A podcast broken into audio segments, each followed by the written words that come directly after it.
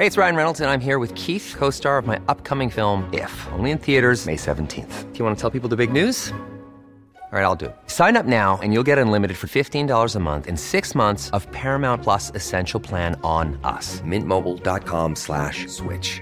Upfront payment of $45 equivalent to $15 per month. Unlimited over 40 gigabytes per month. Face lower speeds. Videos at 480p. Active Mint customers by 531.24 get six months of Paramount Plus Essential Plan. Auto renews after six months. Offer ends May 31st, 2024. Separate Paramount Plus registration required. Terms and conditions apply if rated PG. Hey, I'm Ryan Reynolds. Recently, I asked Mint Mobile's legal team if big wireless companies are allowed to raise prices due to inflation. They said yes. And then when I asked if raising prices technically violates those onerous two year contracts, they said, What the f are you talking about, you insane Hollywood ass?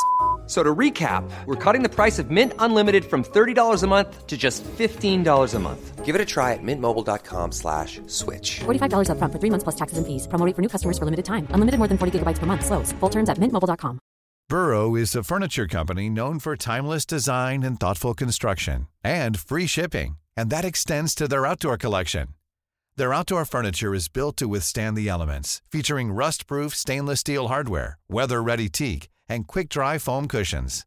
For Memorial Day, get 15% off your Burrow purchase at burrow.com slash ACAST and up to 25% off outdoor. That's up to 25% off outdoor furniture at burrow.com slash ACAST.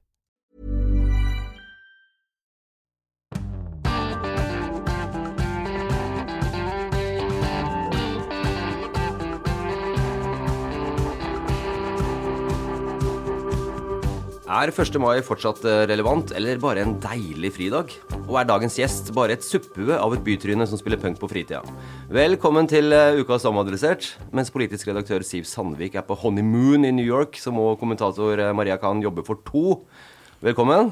Takk skal du ha. Og til deg, kulturkommentator Terje Eidsvåg. Hallo. Hallo, hallo. Og selvfølgelig velkommen til vår gjest. Inntil nylig LO-leder i Trondheim gjennom mange år, og bystyrerepresentant for Rødt. Og første vara på Stortinget, punkbandmusiker og biolog Jon Peder Denstad. Ja, takk for at jeg fikk komme. Jo, bare hyggelig. Du er kanskje en litt voldsom intro på deg, men du er jo et bytryne. Ja, jeg liker å være Jeg er asfaltcowboy, så jeg beveger meg mye i byen, jeg. Og går, går mye rundt omkring i gatene til og fra forskjellige ting. Så sånn sett så kanskje jeg er et bytryne. I hvert fall så ble jeg jo kjent med andre som er bytryner, da, som også liker å ferdes på, på grasrota eller på asfalten. Ikke så, sant? Og du liker deg best sånn blant grasrota, gjør du ikke det? Jeg er eh, i en organisasjon som vektlegger veldig å bygge eh, sterke klubber nedenfra, med gode, dyktige tillitsvalgte i spiss for sterke klubber som skal gjennomføre mye av den måla som vi som fagbevegelse har, da. Ja, Nydelig. nydelig. Noe mener du også er et suppue. Det kommer vi tilbake til. Eh, Jeg er, glad jeg er glad i suppe, jeg altså. Kan tenke tilbake til Vesensten og Supperådet. Så suppe er jeg glad i. Jeg lager mye suppe. Ja, Nydelig. Så spiller du punk. Men du, aller først. Som LO-leder og lang tid i, i, i LO i Trondheim, og i landet selvfølgelig. Hva er ditt første minne fra 1. mai? Eh, mitt første minne fra 1. mai det var når jeg vokste opp i Oslo. Gikk på Grefsen folkeskole. Hadde en god kompis som heter Morten Andersen. Faren hans jobba på Spikerverket, som den gangen var en svær industribedrift. Og jeg fikk være med han, det må ha vært rundt 60-61, på 1. mai-feiring i de svære industrilokalene. Jeg husker jeg fikk en bitte liten av de små soloene som vi unga fikk. Og Det gjorde et sterkt inntrykk, for der var det mye folk, og det var sang og, og samling. for å si det sånn. Så det er nok det første minnet. Og siden har du gått i tog, si. Siden har jo 1. mai vært min viktigste dag. Jeg sa jo en gang til Adresseavisa på ukeadressa førstesida at 1. mai er, er, er viktigere og større enn julaften.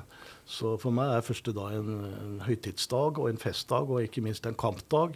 Og en dag for å minnes også de som har gått foran. eh, Som gjør at vi har det arbeids- og samfunnslivet vi har i dag, som ikke er noe som er ramla ned på, fra himmelen over oss, men som er bygd opp gjennom interessekamp, klassekamp, samarbeidsrelasjoner osv., og, som er noe vi hegner om, og som er veldig lett å bryte ned, men som kan ta tid å bygge opp. Så du mener at 1. mai er viktigere enn julaften? Det mener jeg. Og, og mer festdag for deg, da, for å bruke uttrykket? Ja, mer festdag. Jeg er glad i julaften. Jeg er glad i å lage mat og samle familie og venner. Det er jeg kjempeglad for. Å få besøk av døtra mine og kona mi. Vi feirer. Men jeg er jo utmeldt av norske statskirka som sådan. Så er ikke jeg noe sånn eh, som går i kjerka, da. Men jeg har respekt for de som har et religiøst syn.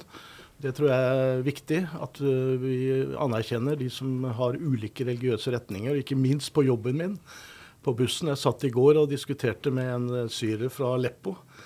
Eh, en veldig hyggelig kar som, som, har vært her nå et par år, og som kjører buss. Og Vi diskuterte alt hva som skjer i Syria, også litt det her med islam osv. Så, videre. så respekt skal man ha. Man må, må nysgjerrig, lære av hverandre. Og så må man ikke lage motsetninger på den type spørsmål. I fagbevegelsen er det viktig å bygge enhet rundt det som er det viktige, nemlig det å jobbe for lønns- og arbeidsvilkår. 1. mai er viktigere enn julaften, sier Jon Peder. Er du enig der, Maria?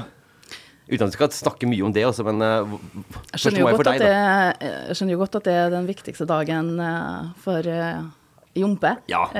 det er jo ikke rart. Men jeg har et veldig sterkt forhold til 1. mai. Jeg er jo en av de som er vokst opp på et kjøkken hjemme til mine besteforeldre, der det har vært snakka mye om politikk, mye om fagbevegelse. Dette var jo i Sverige, da. Og hvor viktig del av samfunnet det var, og hva arbeiderne hadde gjort, gjort for, for svenske samfunnet. Men jeg trodde jo aldri helt på det. Det vært mye prating, og jeg var lei, egentlig, og hadde lyst til å, å bryte meg ut, kanskje fra den eh, siden av min familie. Til at jeg en dag hadde en sånn awakening, som man sier på fremmedspråk. Eh, den 1. mai, tidlig 90-tall. Eh, Sverigedemokraterna, som vi har i Sverige, eh, prøvde jo å lansere seg sjøl som et slags nytt arbeiderparti. Så de hadde lyst til å gå i 1. mai-toget i byen. Eh, og ingen likte jo dem, selvfølgelig. Det var på den tiden da de fortsatt var skinheads og, og åpent rasistisk. Eh, og de prøvde å komme med i toget. Og de ble da jaga bort av eh, Transportforbundet, som gikk først i toget. Og det var bare eh, sånne store, sterke gubber med rød, røde flagg. Eh, og det var veldig sterkt minne, som jeg har, første minne jeg har av 1. Eh, mai. Og da tenkte jeg at det er utrolig bra. Dette kan sosialister og, og, og arbeiderbevegelsen få til. De jaga dem bort. Men, men, men, er 1. mai fortsatt like relevant som det var i gamle dager? Eidsvåg? Du har jo levd en mannsalder. Spørsmålet er jo hva som er, hva som er gamle dager her, da. Eh, en kompis eh, som pleier å si jeg slutter meg til deg, jeg er ikke noe togmann. Så jeg har faktisk aldri gått i 1. mai-tog, men jeg har stor respekt for dagen. Og jeg er som regel i byen og ser på toget av og til, og så hører på, uh, hører på taler. Jeg syns det er en uh, uh, det er en dag med historie. men jeg vil for øvrig anbefale sterkt LO-rådgiver Jonas Ball sin bok 'Streik', som kom i fjor, og som skisserer opp av den historiske bakgrunnen her. Det er en murstein, og som, som, sier, som jeg tror burde ha vært folkeopplysning, for den sier mye om dagens historie. Men det er jo en dag som Mange vet jo ikke at i, som fridag i Norge, så ble jo den innført under Quisling under, under krigen, som arbeidets dag. Men jeg syns det er en det er, mange, det er mange såkalte røddager som kan diskuteres lenge før man uh, tar, tar, tak i 1. mai. Og bare tenk på situasjonen for noen da, uker siden. Hvis det fortsatt hadde vært LO-NHO-streik, hvis den ikke har blitt avblåst forrige helg, så tror jeg vi ville ha fått se den 1. mai som vi ikke har sett maken til i moderne tid i Norge. Så den, den en, det ja, dag jeg har stor respekt for. Du sa jo at det kommer til å bli ekstremt mange folk rundt omkring som er ute. Ja, jeg, var ganske, jeg, jeg var ganske sikker på at den streiken kom til å bli avblåst før 1. mai. Hvis ikke så kunne, kunne det her virkelig gitt Nå skjønner jeg at det har kommet mange nye, nye, medlemmer i LO bare i løpet av den korte og vil jeg si vellykka streiken sett fra LO sin side, som var i forrige uke. Men hadde streiken pågått til 1. mai, så tror jeg vi hadde sett, uh, sett en 1. mai som vi ikke har sett maken til i Norge, i alle fall i, kanskje siden 1986 eller rundt sist gangen hvor det var so store mm. sammenstøt mellom, mellom arbeidsgivere og arbeidstakere i Norge. Ja. Ja, det er helt riktig det. Det ville nok vært en kjempemobiliseringsgrunnlag. Og det er jo ikke tvil om at når LO mobiliserer, og nå er vi snart én million medlemmer, så har vi enda en sterk styrke her i norsk fagbevegelse. Sett også i europeisk sammenheng. Og som Terje var inne på, i 86 så var det jo en storkonflikt. Da gjaldt det jo, det var jo et hodeoppgjør, og da gjaldt det jo kampen om redusert arbeidstid. Altså det å få på plass 37,5 timers uke, eller 7,5 timers arbeidsdag. NHO feilregna jo helt styrkeforholdet den gangen. Da heter det jo Norsk Arbeidsgiverforening, og det var Pål Krabi som var i spissen. Og de lockouta ut av oss. Altså, de lokka oss ut. Uh, jeg husker masse her i byen òg. Det var en voldsom mobilisering. Og Lars Skyten lå med fingeren langt oppi neseboret på Kåre Willoch, som var Høyre-statsminister, for han ville jo begynne å blande seg inn i det her. Jeg, jeg, jeg, var 20 år den gangen, eller 19 år var jeg vel, og jeg husker fortsatt uh, Lars Skyten på Dagsrevyen når han slår hvem, hvem, hvem? Han var leder i Jern og Metall, ja, det, og var den som virkelig ble uh, rasende og visste det. Det lyste øya på han. Når, når, når rundt 100 000 norske arbeidstakere ble utsatt for det omvendte streik, ja. nemlig lockout. Fordi at arbeidsgiverne hadde bestemt seg for at den her, eh, både eh, kortere arbeidstid, men også de her minstelønnskravene ja. var helt uakseptabelt. Ja, og, og, de måtte jo krype tilbake. Og Pål Kraby måtte jo også gå fra sin egen organisasjon. Og det samme Storstreiken hadde vi jo i, i, 2000, som dere husker. Da gjaldt det jo femte Som dere husker. Ja, femte, femte ferieuka. Nei, det gjaldt femte ferieuka, og det gjaldt eh, NHO ville jo da ha eh, lengre avtaleperiode. Eh, og det gjaldt et dårlig generelt tillegg. Det var også dårlig på lavlønn. Da gikk jo LO ut i, i streik. altså Da var det jo 93 000 ut i første uttak. Og den gangen så varte det i, eh, i seks dager. Altså fra 3. mai til 9. Eh, mai. Mm. Så måtte de komme tilbake på samme måte som nå og gi et tilbud som var akseptabelt. Men, men 1. mai, altså hvis, ja, Du er jo enig at selvfølgelig er like relevant nå som det var før. Men, men merker du at det ikke er det samme trøkket, kanskje fra mange? At det er din generasjon og litt yngre som uh, tar taket? Nei, jeg merker at det er faktisk ikke sånn at det er på nedadgående. Heller motsatt, vil jeg si. Okay. Det er klart, det, er, det, det, handler om å mobilisere. Det handler om å komme rundt og fortelle om historien, perspektivet på dagen. Og så ser vi f.eks. i år så er det en helt ny seksjon på miljøbevegelsen. Altså Hvor de nå går samla inn Naturvernforbundet, Natur og Ungdom, Greenpeace og andre. Og vi vektlegger jo veldig som fagbevegelse å bygge allianser. Vi ser det nå med dette parterapiprosjektet som har gått, hvor uh, Atle Trane i, som konserntillitsvalgt i Aker har kjørt da en, en parterapi med framtiden i våre hender for å komme bort fra det at du står på hver sin tue og hyler til hverandre. Komme sammen. Hvor er det man kan finne enighet?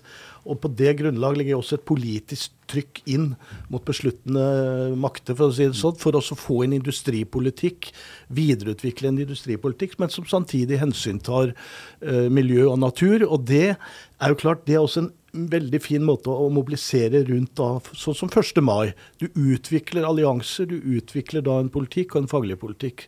Og da er 1. mai da verdifullt til å gjøre det. Men nå, nå, høres jo du ut som du nesten har vært med i LO siden det ble starta i 1890. Han har jo det. Ja, har jo det. Nei, det, er jo det. det er det som er mitt poeng. Du har jo ikke det. Jeg har, litt, har gjort litt research på mister Denstad her. og Første gangen du ble omtalt i Adresseavisa, da var du eh, embetseksamen can. real ved Universitetet i Trondheim i 1984. Og like etterpå så dukker du opp i avisa i sammenhenger som vitenskapelig assistent på ekspedisjoner på Spalbar, og etter hvert også som eh, ekspert på vannkraft, eh, CO2.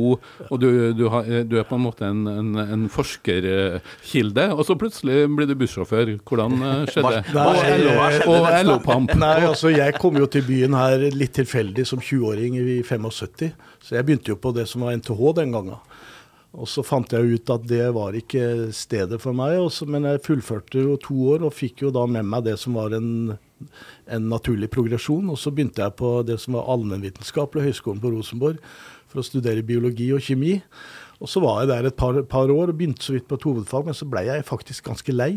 Så jeg gikk bort i Ila, så gikk jeg inn porten der. Så ble jeg organisert på fem minutter i jern og metall, og så jobba jeg der en ca. tre år på ovnene. Fantastisk arbeidsplass, mye skit, men utrolig miljø.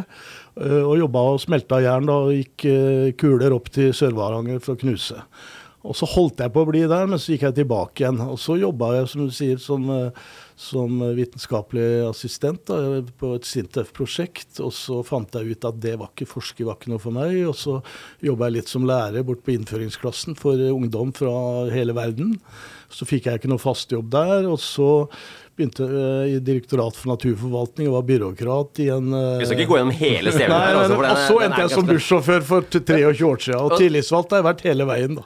Kort, kortversjonen i en tittel her, da. Var forsker, ble bussjåfør. Ja, det er, og det er helt greit. Eh, det å, altså når du har vært leder av LO i Trondheim og omegn, så har jeg flytt veldig på det. at jeg har hatt mange forskjellige typer yrker innenfor forskjellige bransjer og sektorer.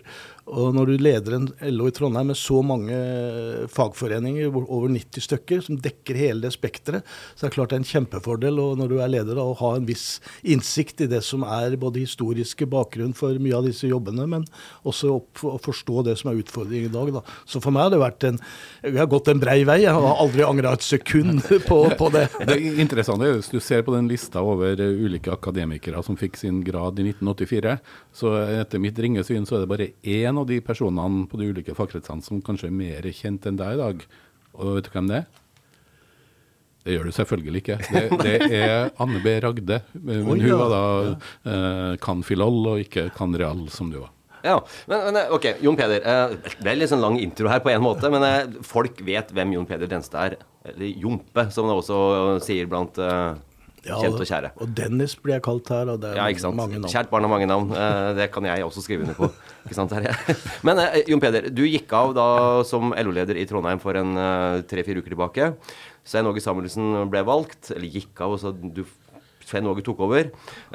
I den sammenheng så hadde Adresseavisen en sak hvor en mann som da heter Marius Wæseth, som er forbundssekretær i Fagforbundet Post og Finans, han mente at uh, LO-gjengen uh, som sitter her, er en gammel suppegjeng. Han sier at LO i Trondheim ikke er særlig relevant. Laget er gammeldags drevet. Når det sender ut informasjonsbrev, ser det ut til å være skrevet av Martin Tranmæl. Med yngre krefter kunne laget blitt mer relevant. Du humrer nå, Eidsvåg. ja, jeg, jeg, jeg, kjenner historien om Martin Tranmæl, ja, så jeg ville vært, ville vært forsiktig med å bruke han som et skjellsord. Ja, ja, ja, det, ja, ikke sant. Men poenget det handler vel om at ja, det er en gammel suppegjeng, sier han. Er, er, du enig? Han tar litt sjølkritikk sjøl, og at de unge ikke har tatt tak her. Jeg tenker av og til så må man ha takhøyde for at folk får lov til å ytre seg. Eh, det er jo også jeg har vært veldig opptatt av som leder, at du skal være raus i forhold til at folk må ha meninger. og Så må man heller bryte de meningene.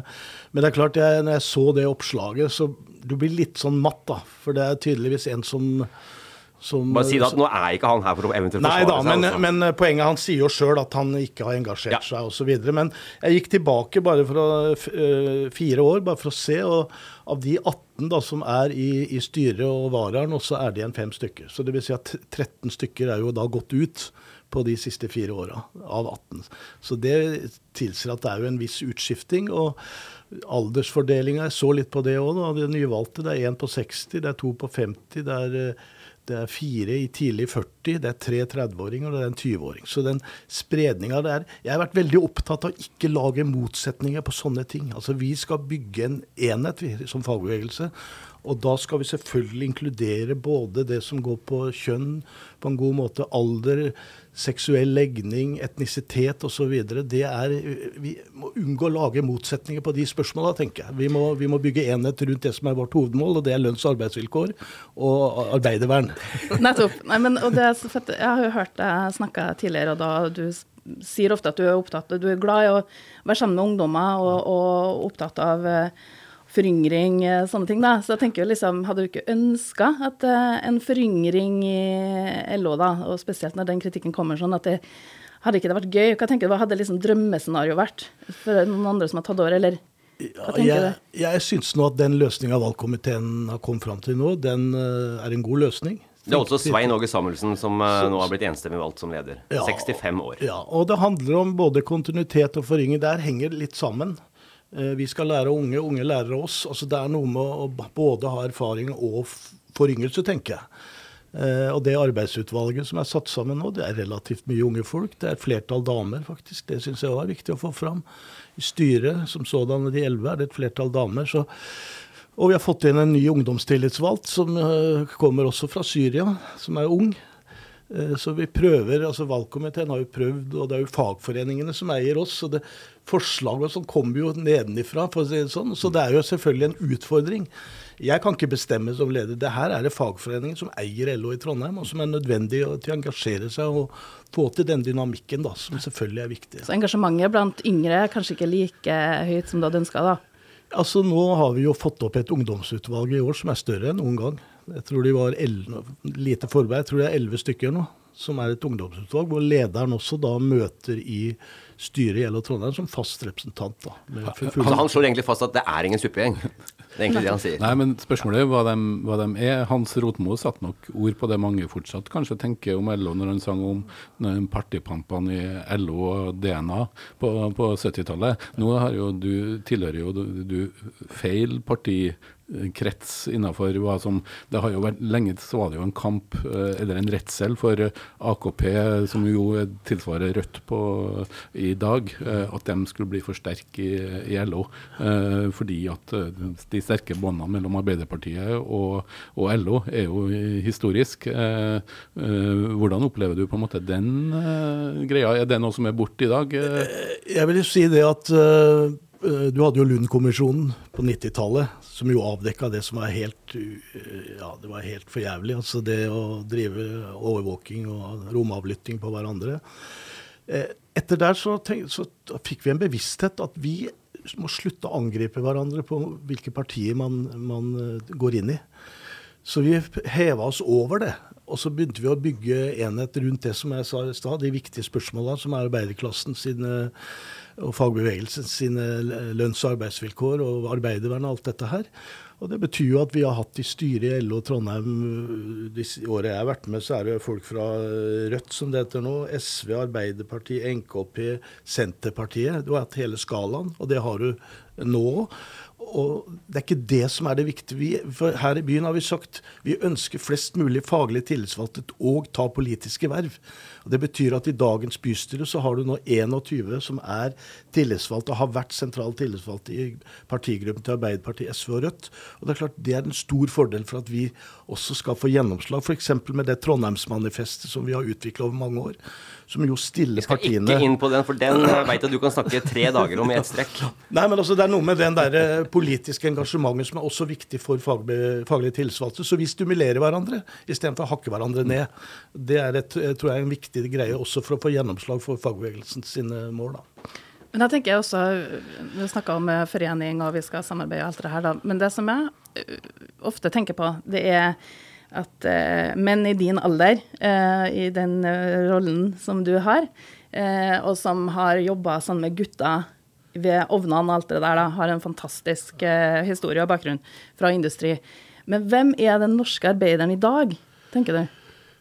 Nei, Den norske arbeideren i dag det er en ganske mangfoldig. Du har selvfølgelig de tradisjonelle industriarbeiderne. Du har en stor prosessindustri i Norge. Men har ikke industriarbeiderne det ganske bra i dag? Eh, det, det Takket være den fantastiske jobben, da, selvfølgelig, og alt det der. Men Jo, men så er det jo det at du står f.eks. i en uten å ta det, dra den, men du står i en strømpriskrise nå. Som kan bety alvorlige eh, alvorlig konsekvenser for den prosessindustrien. Som er basert på lave, historisk lave eh, fortrinn ved, ved en lav strømpris. Så det er klart, sånn sett så jobber jo industriarbeiderne veldig hardt nå. Det er jo en svær sak i seg sjøl. Den er jo ikke løst, den strømpriskrisa. Altså, den er jo en viktig politisk. Men den store arbeiderklassen det finner du f.eks. mye innenfor privat tjenesteytende sektor nå med mye helt uverdige og forjævlige arbeidsforhold, som er en kjempeutfordring å ta tak i. Budbilsjåfører f.eks., som har vært mye diskutert nå i løpet av det siste året, gjennom svære reportasjer i ulike eh, medier, er en svær en del av industriarbeiderklassen. De som sykler rundt her med Fodora og Volt, er jo en del av industriarbeiderklassen. Og de fikk organisert seg i Oslo for noen år siden og fikk jo kjempa gjennom en tariffavtale innenfor Fodora. Kjempeviktig. Så på de arenaene så må jo også fagbevegelsen bli mye dyktigere. Være ute, knytte kontaktene med disse menneskene som jobber i de bransjene, for å være med og bygge videre fagbevegelsen. Fordi at arbeidslivet er jo hele tida under en utvikling. Så hvis det var et svar, så er det i hvert fall et forsøk på at Du, du, snakker om de som sykler, du snakker om de som sykler, men, men tar de en buss, så vil de ha noen nytte av eh, halv pris på månedskortene. Ja, jeg så det der i går. Eh, vi diskuterte det faktisk på klubbstyremøtet i går kveld etter bussarbeidet. Så det var en lang dag for meg i går. Jeg var hjemme klokka ti i går kveld. Eh, og vi er jo litt opptatt av også det som har med, med, med utvikling av materiell, da. Eh, Når det gjelder busser, vi har en del eh, av parken som er gammel. Så vi var litt oppi dette her. eh, I hvert fall så må vi utfordre nå på hva vil dette bety hvis du går inn og tar av driftsmidler i forhold til miljøpakka på den type tiltak, i forhold til det som har med ting som går på arbeidsforhold, at de som faktisk skal stå i jobben og gi det gode busstilbudet. Så, eh, men det er klart, eh, folk vil jo gjerne ha lavere priser. Men jeg ser jo det går jo også litt diskusjoner hvorvidt de 650 millionene er reelle, eller om du må kanskje opp i det dobbelte. Eh, Der skal det vel bli en del tallknusing framover òg, Det blir nok en del tallknusing der. Men, eh, men det får du og dere bussjåfører um, høre masse ja, Nå sitter jo dere i et avlukke foran deg, men er det litt sånn her ah, Det er så steindyrt her i Trondheim. Jeg hører faktisk ikke det sånn eh, direkte. Ikke, sånn, ikke på hverdagen når jeg er ute og, og kjører. Så, så eh, jeg kan ikke si at det er eh, mange som kom. Nei, jeg kan nesten ikke huske det. det. Men Det, hvis det, jeg, det er vel kanskje mer de som ikke tar bussen, som syns det er dyrt, enn de som, de som tar den. Eh, ja, men Nå kan jo nesten du kjøre på honnør. Han kan kjøre, eller han får sikkert gratis, han er bussjåfør. Han kan jo kjøre på ho- honnør nå. Men uansett, 43 kroner for en enkeltbillett. Det er jo Hvis du hadde tatt fra deg alle hatter og bare vært en vanlig et, en av folket. Det vil jo si at du kanskje er det, da, men altså Nei, det er klart. 43 kroner isolert er jo ikke billig. Så jeg sier jo til folk da, tenk gjennom hvor mye du kjører i bussen. For det er ikke mange enkeltturer du skal ha før at eh, eh, som jeg sier, du bør enten kjøpe deg T-kort eller eh, gå over på et periodekort. da. For det, jeg tror det er fem-seks turer, ja, så har du måtte, tjent inn det. og da så det sier jeg til folk, og så oppfordrer jeg folk til å ta bussen. Men noen er der at de har hatt på uansett. Jeg har jo kompiser sjøl som lager noen fantasihistorier om hvor lang at det tar to timer f.eks. fra Flatåsen til, til, til, til omtrent til Midtbyen. Det er jo bare tull, ikke sant.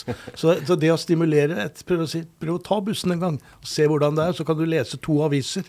Så slipper du å bruke tida på det når du kommer hjem. Det er et godt poeng, for jeg tror veldig mye av de som har de sterkeste meningene om bussen i Trondheim, er folk som sjelden eller aldri tar buss. Så f.eks. Terje Eidsvåg. Jeg tar buss rett som det. Ja, du gjør det. Ok, ja, det var Ja, og du gjør det, ja. Jeg tar buss rett som det. eh, Ikke til Hitra. Ikke til Hitra, eh, helst ikke til Stjørdal heller, sånn som veien har blitt nå. Da prøver jeg å ta tog, men det, det går dessverre altfor sjelden. Men eh, så du har jo sånn en mannsalder og mer enn det, Jon. eh, I LO og i fagbevegelsen. Har du slåss natt til 1. mai, du? Om jeg har slåss? Ja, altså Det er liksom det jeg forbinder litt med 1. mai fra gamle dager. At det var alltid bråk. Nei, jeg har eh, aldri vært ute og slåss 1. mai igjen. Altså. Jeg, Slåss for rettighetene dine. Ja, det gjør jeg verbalt på 1. Ja, mai. Jeg pynter meg, jeg går i svart dress. Er, jeg liker å skille mellom fest og hverdag, så da pynter jeg meg skikkelig. Eh, vasker meg godt under armene og tar på meg litt deodorant, kanskje. Det gjør jeg ikke til daglig, men da gjør jeg det. Også, Du er aldri så fin du, sånn som på 1. mai, er det du sier? Nei, altså, ja, jeg prøver å pynte meg. Det er respekt for dagen, Ja. respekt for de som har gått foran. Og så er det en festdag. Og vi skal videre framover, selvfølgelig. Så vi, det å høre på en god tale og noen visjoner om det framtida, det er også alltid synes jeg viktig. Gå i tog sammen med folk. Synge sammen med folk. Ikke minst det å kjenne på sangen som Det er noe med at du rører følelsene og hjertet. Jeg jeg er følelsesmenneske. Jeg kan godt begynne å grine under en sang. Eh, Høre om de unge slekter og det som eh, ligger i den. Så det er Nesten noe så jeg ser noen tårer i øya allerede nå. ja, jeg ja, egentlig For at jeg har et veldig sterkt forhold til en gammel krigsseiler som ble kompis med. Jeg var på arbeidsbrigade til Cuba, det er mange mange år siden. I to år var jeg hans kompis, fra han var 85 til han døde i 87. Og han var en sterk person. Hadde et fantastisk liv. Krigsseiler, eh, jernarbeider i Oslo. Og han var veldig opptatt av det med formidling og, og, og det å snakke med unge, bringe dette videre. Og hans yndlingssang, det var De unge slekter. Men Roy Tommy avslører jo at han er ganske ny i byen, for i Trondheim så har det jo ikke vært noen tradisjon for, i hvert fall i nyere tid, for bråk natt til 1. mai. Men natt til 16. mai, hvor det i sin tid var sammenstøt på torget mellom, mellom, eh, mellom ungdom og politi, mens på Østlandet og i dalstrøka utafor, hvor du kommer fra, så var det jo natt til 1. mai hvor det foregikk. Skal vel ikke skryte av at det var mye rock'n'roll i Våler heller i gode gamle dager. Altså. Men jeg må si, det var jo en, en dag vi fikk høre at Carl I. Hagen skulle komme. Ja, Da kom dere og se. Da, det må ha vært i 2001. På et, en og en halv dags varsel så fikk vi beskjed om at Carl I. Hagen skulle på, på torget. da. Og det var rett før liksom, vi skulle ha arrangementet. Og vi, da tenkte vi bevisst vi må unngå bråk. Vi må unngå at han får oppmerksomheten, også i media. Så vi ringte Hans Rotmo, vi ringte bandet til han som skriver hos dere, han eh, kommentatoren. Jonas Jo, ja, som hadde jo, eh, John John, Doe. De stilte et annet band, vi fikk tak i en lastebil, og så fikk vi folket bort og opp til Katedralskolen som et forarrangement før vårt eget. Det var vellykka. Da brukte vi ikke stein og egg og kaste på hagen og lot han få eh, media på det, men vi trakk folket bort. Så laga vi vårt eget. Det er en lur strategi. Det har vi gjort også når Sian kommer til byen her. Så lager vi et kulturarrangement samtidig i Tordenskjoldparken sammen med AUF og Norsk Folkehjelp for å trekke folk bort og unngå den oppmerksomheten. Det var jo i sin, jeg, var, jeg var jo på torget den gangen, første gangen Carl I. Hagen var her. og Det var jo noen uh, år før. Da var det jo eggkasting og Tomater, det nærmeste man har kommet, kommet bråk ja, på, på, selve 1. mai i Trondheim, hvor det var sterke reaksjoner på første, alter, den alternative 1. mai-talen som var da. Du spiller jo i band sjøl, i et band som heter The Slagg. Ja, ja, det er en Punk, Punkeband? Nei, rock'n'roll, da. Men okay. Nå ga jo dessverre trommeslageren seg uh, nå ganske nylig, av forståelige grunner, da. Så, men vi tre andre vi, vi, møtes nå og prøver å dra det her litt videre. da, Så blir det kanskje litt annen setting når vi ikke har slagverk. Men synes, jeg syns det er artig å spille. Og vi har jo også laga arbeidersanger, faktisk. Ja, det tviler jeg ikke på at dere har gjort. Som har kommet inn i sangboka til LO, særlig én, da. jeg, skal ikke ta, jeg skal ikke ta den her, men altså det, du, du, driver med alt, føler jeg. Også, da, også, du, musikk, er det en slags uh, koble fra, da? og eller? Ja, jeg liker jo mye mer sjøl å ta gitaren og prøve å spille litt sanger. og Vi hadde jo en sånn nede i Folkets hus for to dager siden. Da var jeg med. Og så hadde vi Øystein og Henrik, de to steinhoggerne, som synger sånne tostemts hviskesanger. Og så var det en som het eh, Erik Jørgensen, som er fra Tromsø, som spilte mer disse gamle med fra nord, nord, nord Hva heter det for noe? Eh, teater oppe i, oppe i nord. Flanellograf. Ja. ja. Og da, så det å ta en gitar, synge, det er for meg Det er min måte. Jeg er ikke sånn som setter meg ned med sånne ører i propper i øra. og sånn. Jeg kan spille musikk på, på radio, det syns jeg er fint. Men å gjøre det sjøl og ut, prøve å utvikle sjøl, det syns jeg er veldig ålreit. Sikkert mange som lurer på det her. Eh, Jon Peder, altså, du vokste opp i Oslo, eh, var der en kort tid, og så ble det Sørlandet, og så kom du hit. Ja. Du snakker jo som du er født og oppvokst og spiser Groruddalen til frokost. Ja, jeg tenker ikke jeg, på åssen jeg snakker. Jeg snakker bare sånn jeg snakker, jeg. så, så, så, hvorfor jeg snakker sånn, det får andre ja, men, ja, men du, har, du, har, sikkert fått det spørsmålet, så er ikke du trønder snart? jo, og badevakta eh, nede på det gamle sentralballet sa nå kan du kalle deg trønder, sånn, for da hadde jeg bodd her i ti år. Ja. Men, men, eh, språket Nei, jeg har grunnen aldri tenkt men, over det. Nei, men du sier jo, du sa jo i starten på sendinga her, så sa du to eller tre ganger kjerka. Det er vel ikke noe man sier verken på Sørlandet eller i Trøndelag? Er det en del av LO-dialekta, eller er det jeg vet faktisk ikke at jeg sa det. Det er mulig jeg bare sa det. Så, sånn er det, liksom. Det. Og, så er du Rødt-representant. Du har vært ni dager på Stortinget i ja, ditt liv. Ja. Så du den komme for uh, fem år tilbake? At du skulle være på Stortinget? Nå, eh, nei, men nå takka jeg jo ja til å stå som nummer to etter Hege. Ja. Og vi hadde jo en fantastisk rundreise hele uke i bobil, vi to sammen. Og besøkte bedrifter og folk og miljøer rundt omkring. Og så var jeg egentlig så heldig da, at jeg fikk møte, og det var jo, jeg syns det var en veldig artig opplevelse. Og når jeg først var der, så var jeg inne på talerstolen fire ganger i tre saker, så jeg benytta i hvert fall anledningen, ja, til, til, til, å, si fra. Selvfølgelig innenfor det som er eh, partiprogram og osv. Men jeg ble tatt veldig godt imot av gruppa. Uh, og jeg så jo på meg sjøl faktisk Da så jeg alder også, for det er klart jeg var vel en av de eldre i Stortinget. Du hadde Michael Tetzschner fra Høyre og Carl I. Hagen Frp. Og, og så var det meg og kanskje et par til som er på mitt eh, aldersnivå. Ellers så var det mye unge folk. Men det var egentlig veldig ålreit. Så jeg, jeg, håper jo for all del ikke at Hege blir syk, sjuk, men at jeg kan få muligheten igjen. Det, det vil jeg gjøre. Så jeg skal altså, jo jobbe. Hege Banjolt, som da også er um, stortingsrepresentant for Rødt. Men det, det jeg lurer litt på, da, for at du nevner du, du er jo på en måte et paket. Ja, Benstad. helt pakke. Du er, du er jo en rocka fyr med Rutete skjorte. Jeg tror aldri nesten jeg har sett deg uten sånn rutete skjorte som du har nå, også på deg i studio. Mm. Eh, og, og, drar frem ofte Du har skrevet to bøker. Eh, og du er opptatt av krigsseilere, og i hvert fall igjen, de bøkene handler om krigsseilere. Han, kompisen som du snakka om, eh, forbilder osv. Gutta på gulvet. Igjen da, jern og metall og heia, heia og sånn. Men har du noen kvinnelige forbilder? Oi, ja. Kvinnelig Rosa Luxemburg. Jeg har egentlig ikke sånne veldig personlige forbilder. Altså, jeg har egentlig ikke det. Eh, jeg tenker mer at det er jo de kollektive organisasjonene som har bygd fram. Det er jo klart, Men hver tid har jo også ledere. Så, så Rosa Luxemburg var jo en, en, fantastisk kvinne i sin tid, tenker jeg. Men hun døde vel før du ble født? Ja, det var, vel noen, sånn. det var vel noen, noen, noen, noen, år før det. Men f.eks. du nevnte boka. Jeg skrev jo en bok nå om om eh, elleve kompiser eh, som dro ut på sjøen. Det var jo tida jeg var på Sørlandet. Det var jo mye sjøfolk, mye historier rundt det, mange familier. Alle disse her dro jo ut som ungdommer.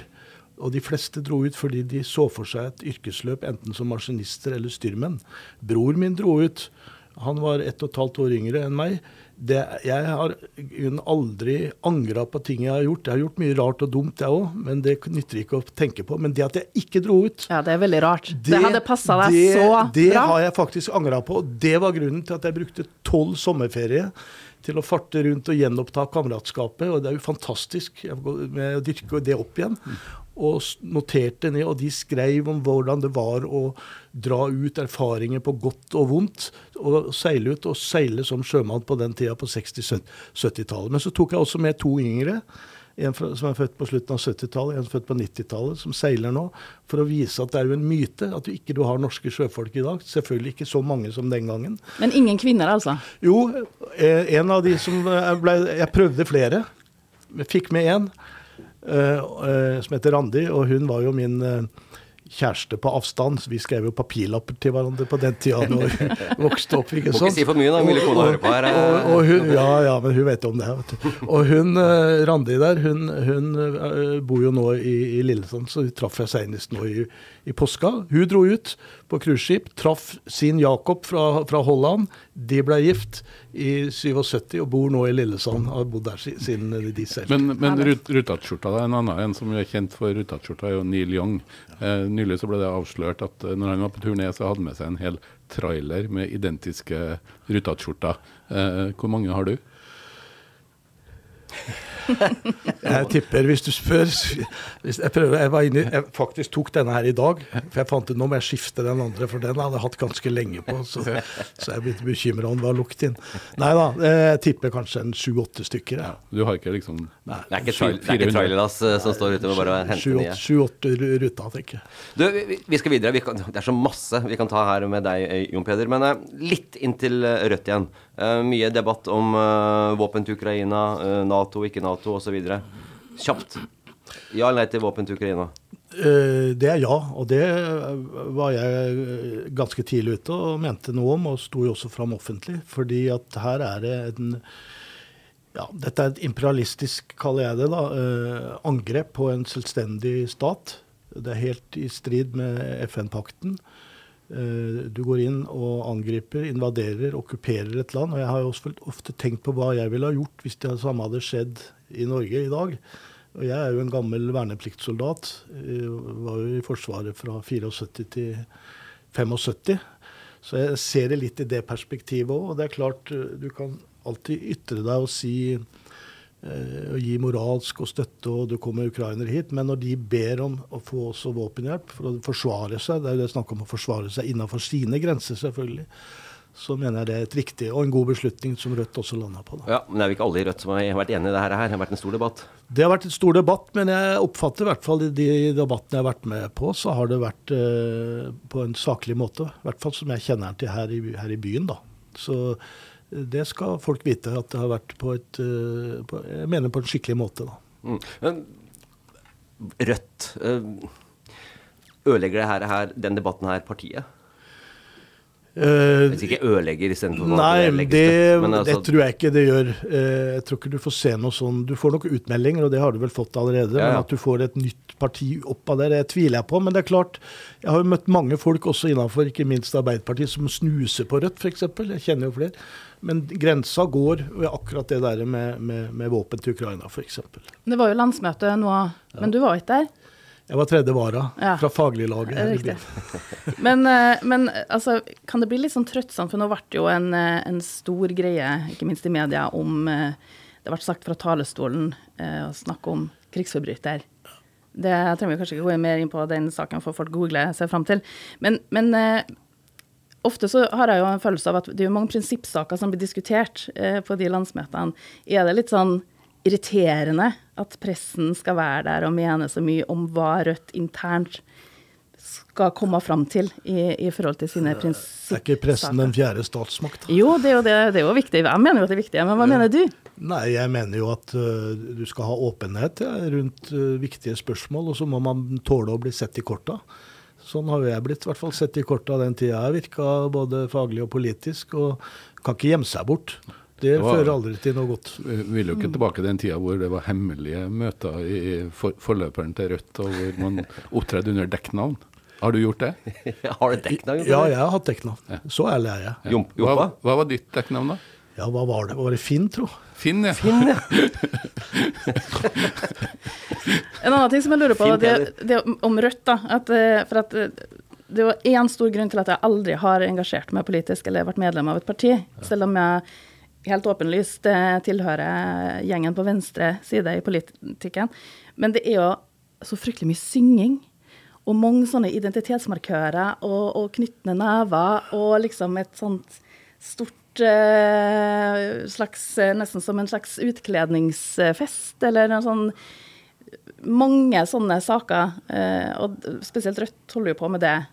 Eh, er, det altså, er det noe som du, man blir opplært i når du begynner i partiet, at du liksom lærer deg sangene, og at du får måte, utdelt en Nei, Som jeg sa før i dag, altså sang er utrolig viktig. Sang er en måte å, å kjenne på et samhold, da. Uh, og det skal ikke være noe sånn teatralsk, det, men du, det å lære seg tekst, stå sammen og synge med folk du, du, kjenner at du er en del av ja, Det høres litt svulstig ut, kanskje, men du er en del av noe større. da. Du er en del av et stort fellesskap. Og det fellesskapet, om det er et parti eller om det er fagbevegelse, Vi ønsker jo å, å gjennomføre noe. Vi ønsker jo å gjennomføre noen mål i den virkeligheten vi lever i. Og da er min erfaring at du sveiser laget, og sangen er jo begynt å komme tilbake igjen. Det var jo en periode hvor det var helt ut. Jeg vet jo nå innenfor fagforeninger så begynner man å ta opp igjen mye av sangtradisjonen. Men, men, å synge om at det skal bli like fint å jobbe som å danse, er vel ikke det som trekker mer ungdommer til LO? Nei, men det er en fin sang. Og jeg merker jo at mange ungdommer faktisk synger jo den sangen fra gamle tider. Sverre Kjelsberg-sangen. En av de verste sangene jeg vet om. Terje, uansett hva du prøver på musikk og sånt, så han kommer til å arrestere deg hver eneste gang. Nei, det går bra, ungdommen er med, ingen fare, det her ordner seg. Og, og, og, og begynner å peke på deg også her i studio, altså, nå begynner det å bli alvor. Det blir peking. Og som jeg sa, altså, den sangen vi lagde altså, Det var jo forresten i 2004, når disse flotte Det var, det var damer som jobba i det som heter Bra. NSB Trafikkservice. Som hadde da vært gjennom en svær prosess et år for å kutte kostnader. Jeg tror de var borti 40 millioner. Og så opplever de over natta, dolk i ryggen, at arbeidsplassen skulle legges ned. Gikk ut i en spontan streik her i byen og vant opinionskampen. Uh, og vi skulle sikre den seieren, at de arbeidsplassene ble videreført. Allierte oss med, med, med media. Dagsrevyen på nattog til Oslo for et styremøte i NSB for å få, få, slått fast at den plassen skulle ikke legges til. Da lagde vi en sang som heter 'Ta stilling til hvem du er'. Og når vi gikk gjennom eh, jeg sier Østbanen, ja, men det er jo sentralstasjonen, og vi sang den sangen, det ljoma med Dagsrevyen på slep, den sangen har fulgt oss i mange forskjellige sammenhenger. og den kan folk her i byen veldig godt.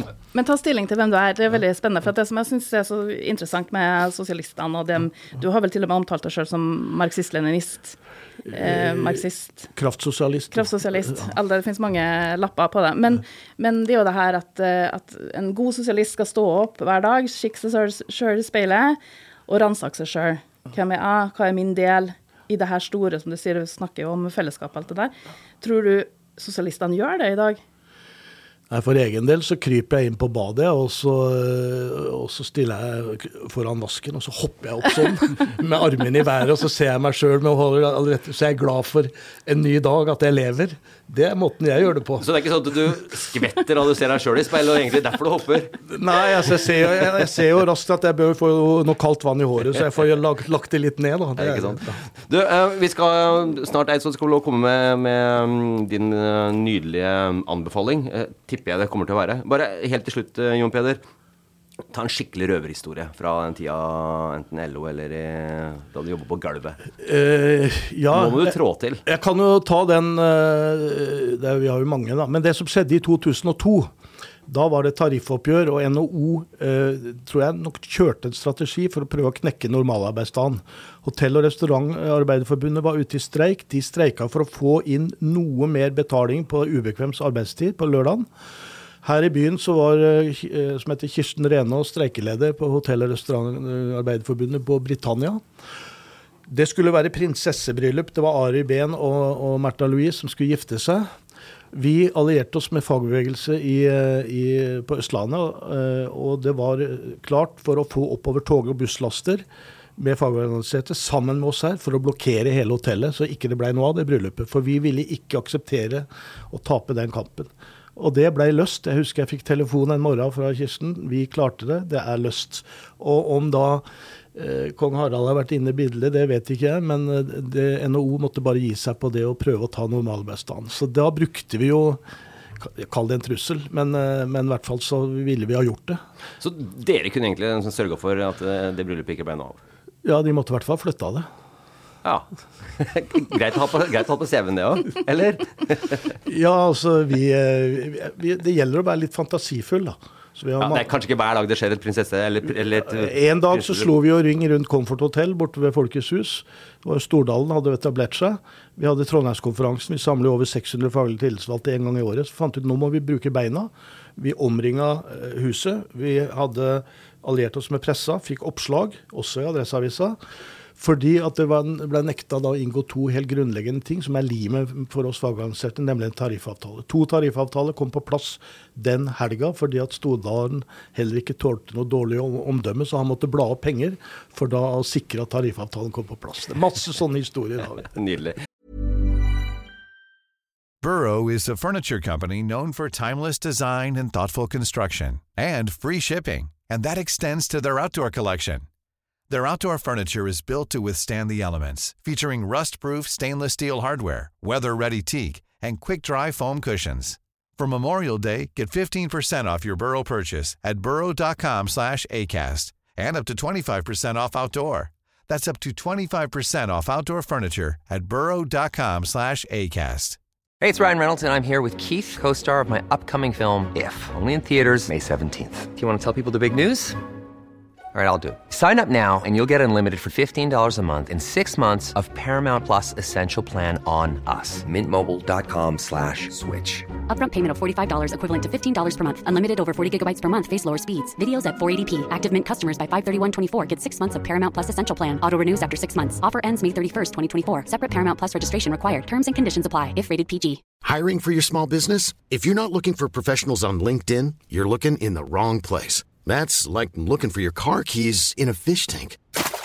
LinkedIn helps you hire professionals you can't find anywhere else, even those who aren't actively searching for a new job but might be open to the perfect role. In a given month, over 70% of LinkedIn users don't even visit other leading job sites. So start looking in the right place. With LinkedIn, you can hire professionals like a professional. Post your free job on linkedin.com slash people today. Millions of people have lost weight with personalized plans from Noom. Like Evan, who can't stand salads and still lost 50 pounds.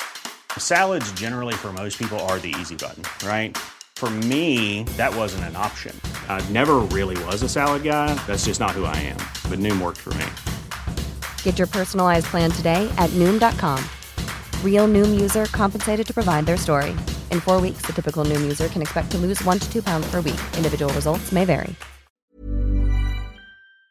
Uh, Terje Eidsvåg, snart 1. mai. Jeg vet ikke om det er dagens uh, anbefaling skal handle om det. Ja, men det kler i alle fall uh, dagen uh, hvilken som helst dag, og det kler jo også Marias etterlysning av kvinner her. Det er Disney Pluss nå har faktisk en, en miniserie som heter The Good Mothers. Som, som, er en av de mest originale mafiaseriene jeg har sett.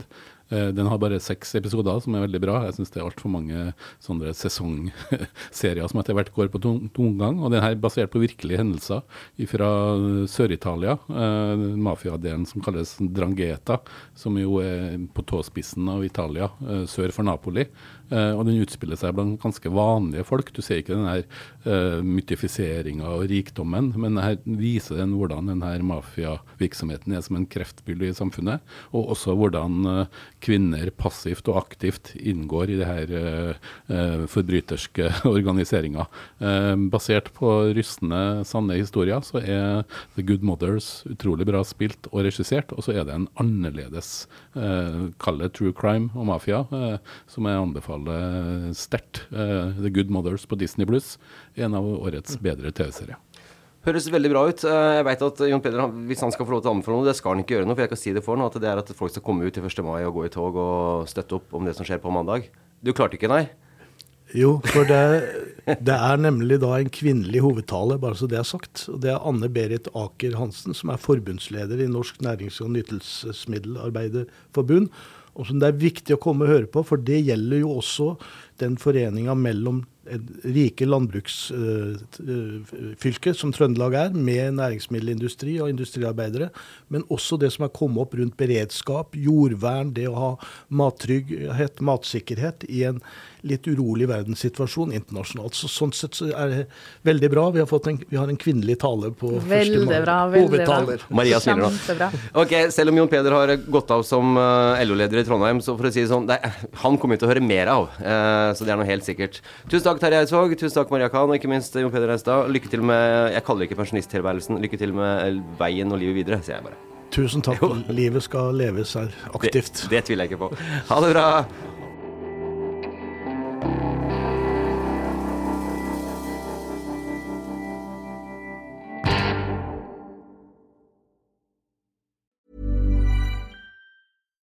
Support comes from ServiceNow, the AI platform for business transformation.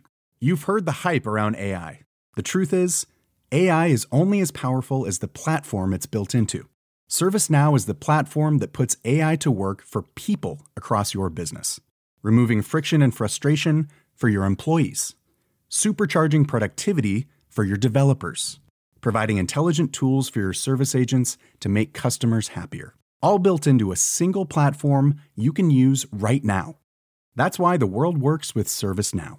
Visit servicenow.com/slash AI for people to learn more. ACAST powers the world's best podcasts. Here's a show that we recommend.